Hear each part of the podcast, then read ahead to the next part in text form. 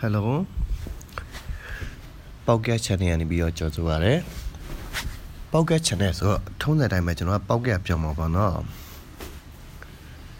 ဆိုတော့အခုလက်ရှိကျွန်တော်ဘာပြောချင်နေလဲဆိုတော့ကျွန်တော်ငယ်ဘဝအကြောင်းလေးနည်းနည်းလေးပြောချင်တယ်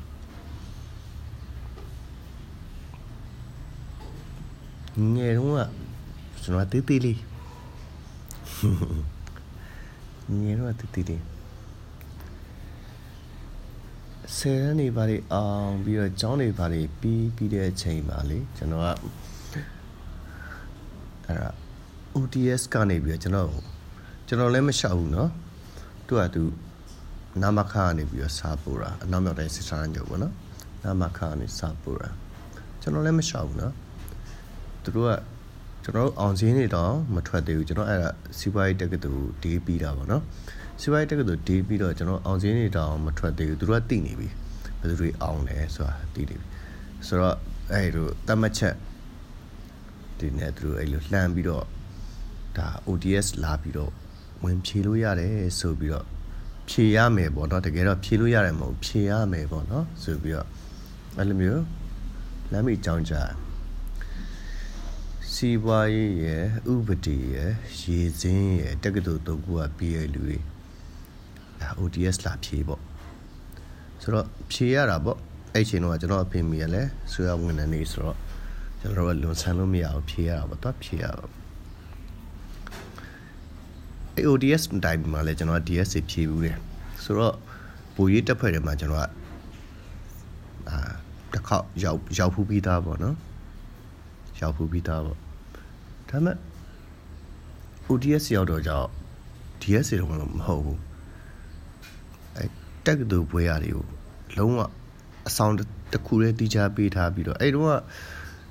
ပုံမှန်ဆိုလို့ရှိရင်အဆောင်တစ်ဆောင်ဆိုလို့ရှိရင်ရောက်90 40 50ပတ်ချလေးလောက်အဲထည့်လို့ရတယ်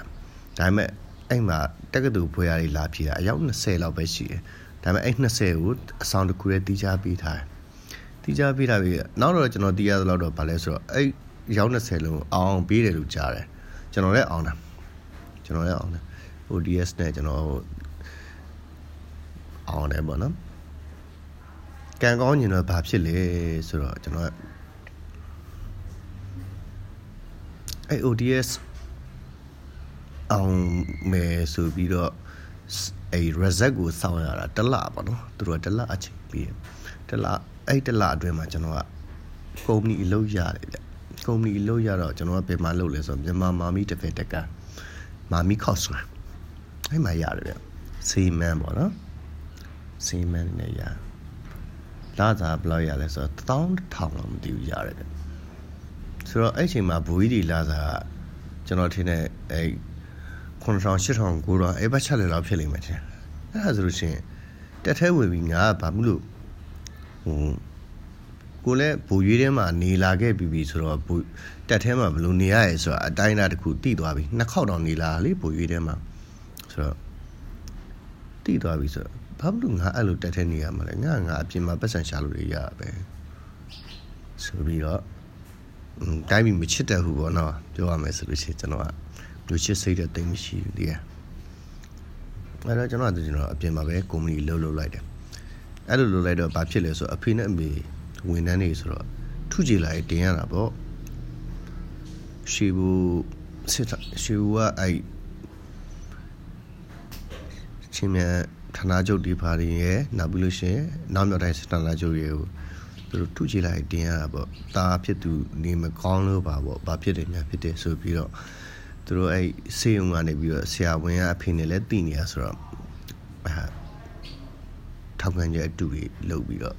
သူချီလာတင်ပြီးတော့ရုံထွက်ရတာပေါ့နော်ကျွန်တော်တော့ကျွန်တော်ကျွန်တော်အဲစစ်တပ်ထက်မဝင်မနဲ့အပြင်ကုမ္ပဏီမှာလုပ်တယ်ပေါ့နော်ခုလက်ရှိလည်းပဲကျွန်တော်အပြင်ကုမ္ပဏီမှာလုပ်နေရပါနော်